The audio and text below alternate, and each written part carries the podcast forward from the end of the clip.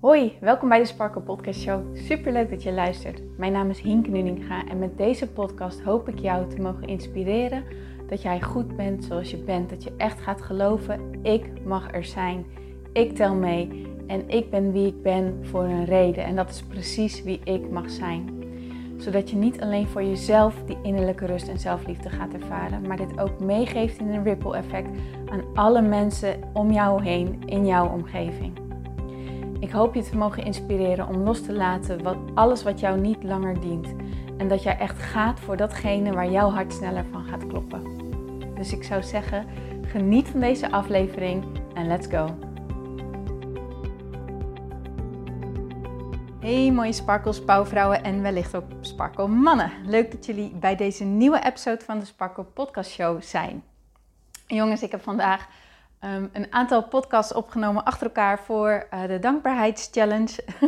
en je zal denken, Hink, heb je dan nog wel zin om te podcasten? En heb je dan zin om uh, weer een nieuw onderwerp aan te snijden? En heb je überhaupt nog wel een stem over? Jazeker. het doet me een beetje denken aan de tijd dat ik voor de klas stond. Zeker in het begin van het nieuwe schooljaar, als de zomervakantie was geweest en ik had dan uh, 7, 8 lesuren. Aan het einde van de dag had ik een zere keel van al dat praten. Maar je leert wel om je stem op een bepaalde manier te gebruiken, om hem in te zetten op een bepaalde manier. En ik merk wel dat ik denk, oh ja, dat mag ik nu wel weer doen. Dat is grappig hoe je zoiets uh, ook heel snel weer afleert eigenlijk. Maar in elk geval, ik ben heel erg blij dat deze uh, podcasts op zijn genomen. Ik heb er ook nog een aantal te gaan, maar het wordt ontzettend tof.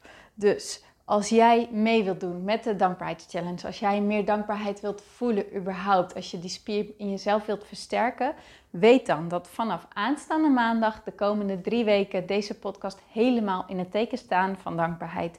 En elke dag deel ik een hele praktische oefening met je, waardoor jij gelijk in de actiemodus wordt gezet, waardoor jij gelijk gaat doen en jij op die manier aan het einde van deze drie weken je daadwerkelijk ook beter voelt. Nou, wil je hier ondersteunende e-mails bij ontvangen. Dus er elke dag aan herinnerd worden dat deze uh, challenge gaande is. En elke dag herinnerd worden aan dat er een nieuwe episode online staat. En dat jij dus een nieuwe oefening kan gaan doen. Meld je dan aan voor de link. Deze staat beschreven in de show notes. Ehm, dan ontvang jij dus elke dag een, ehm, een notificatie dat dit gaande is. Oké, en ik was tijdens mijn lunch vandaag was ik lekker aan het lezen in het boek van uh, Mary Forleo, Everything is Figure Outable. In het Nederlands ook wel Alles is uitvogelbaar. En ik las een zin en die sprak me zo ontzettend aan dat ik dacht, ah, dat wordt mijn onderwerp voor vandaag. Deze ga ik meegeven. En ik ben bezig in het hoofdstuk over dat je eigenlijk je door niks tegen moet laten houden. Door niks en te niemand. Wanneer jij een doel hebt, wanneer jij ergens voor wilt gaan, dan moet je gewoon geen nee accepteren. En dan moet je je door niks of door niemand tegen laten houden. Maar ik weet dat het heel erg eng is om iets nieuws te doen, om je mening te uiten, om jezelf te laten zien, om nee te zeggen tegen iets wat je niet wil, om tegen de menigte in te gaan, om je eigen weg te gaan, om noem het maar op, om die stap te zetten die jij zo eng vindt omdat we heel vaak bang zijn voor de mening van een ander. Dat we er kritiek op krijgen, dat onze mening, oh sorry, onze omgeving er niet supportive op reageert. Ehm, dat we negatieve comments krijgen via internet of op wat voor manier dan ook. En deze angst alleen al is genoeg om je te laten bevriezen en om het niet te doen. En dat is zo fucking zonde, want jij hebt een licht om te laten schijnen. Jij hebt niet voor niks dat verlangen. Jij hebt een unieke gave. En het is tijd dat de wereld deze gave gaat zien. Dat jij je licht gaat laten schijnen. Dat jij gaat delen in deze, ja, in deze gift. Zodat andere mensen hiervan mee kunnen genieten en ervan kunnen groeien of van kunnen hun leven ermee kunnen verrijken op een bepaalde manier. En dat kan alleen maar wanneer jij je over deze angst heen zet. Nou, tegelijkertijd weet ik hoe belemmerend deze angst kan zijn en hoe heftig deze angst kan zijn. Ik bedoel, in het, in het, ik heb er gewoon door thuis gezeten door deze angst. En durfde ik op bepaalde momenten niet de deur uit, omdat ik zo bang was dat ik mensen ging tegenkomen en dat die er een mening over hadden, over mij, over het feit dat ik op dat moment thuis zat, ziek was. ik durfde gewoon op bepaalde tijdstippen oprecht de deur niet uit. Dus dat is de plek waar ik van vandaan kom. En uh, daar heb ik natuurlijk enorm veel aan gewerkt.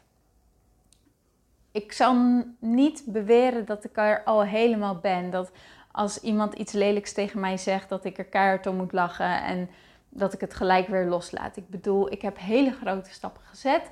En ik denk ook dat ik nog stappen te zetten heb. Maar ik denk ook met elk level waarin jij groeit, um, er ook weer nieuwe uitdagingen komen over dit onderwerp. En dat je dus ook weer nieuwe uitdagingen hebt in het loslaten hiervan.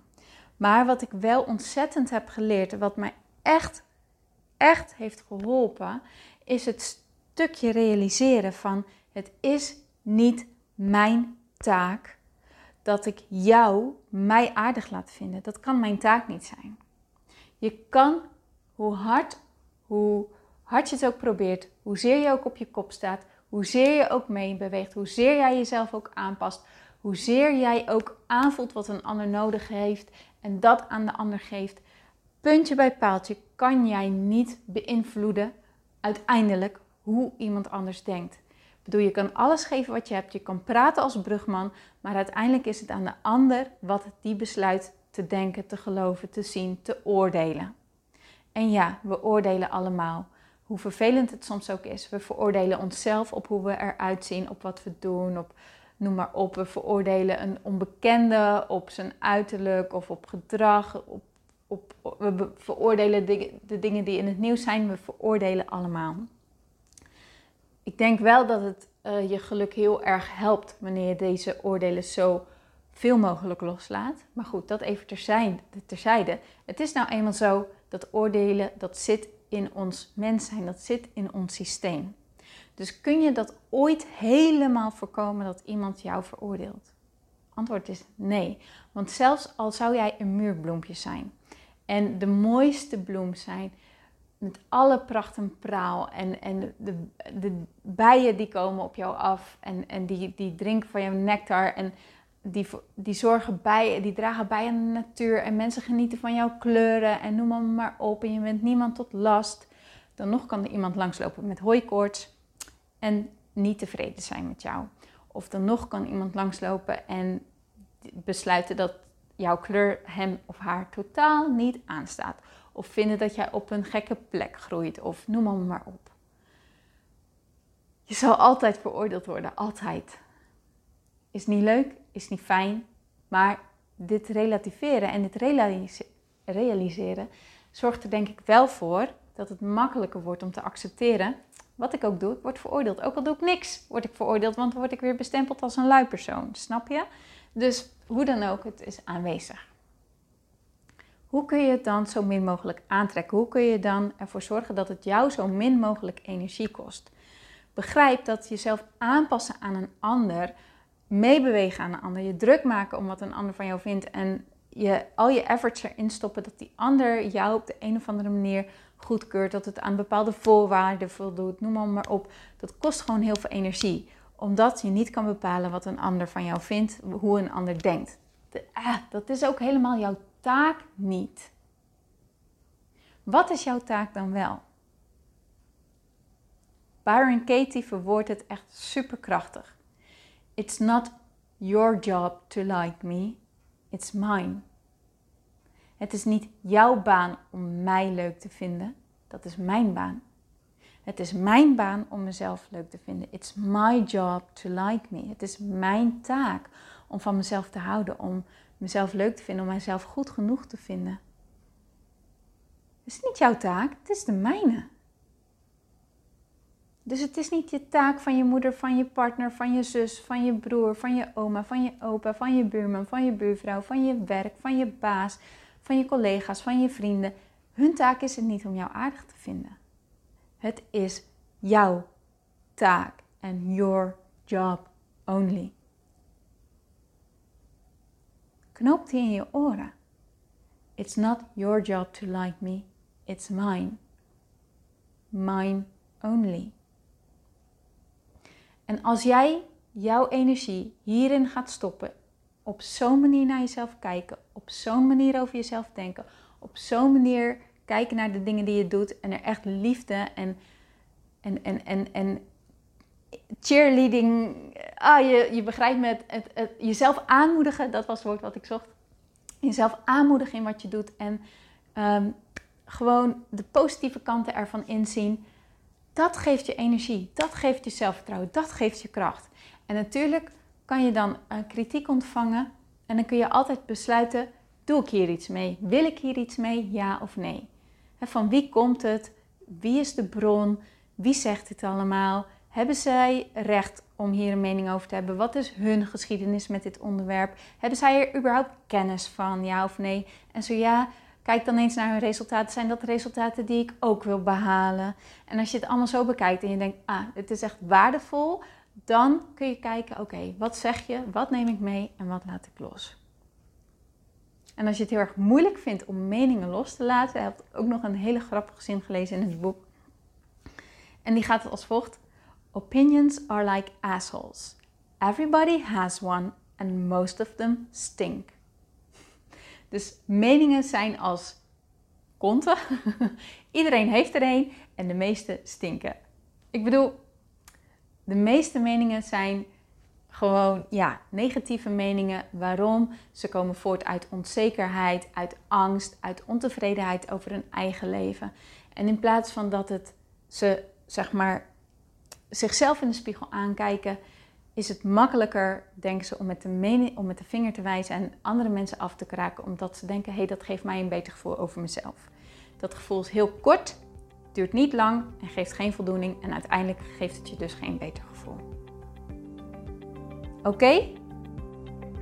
Oké. Remember, it's not your job to like me, it's mine. Oké, ga nu gewoon datgene doen wat je wil doen. Laat alles los en go for it. Oké? Let's go!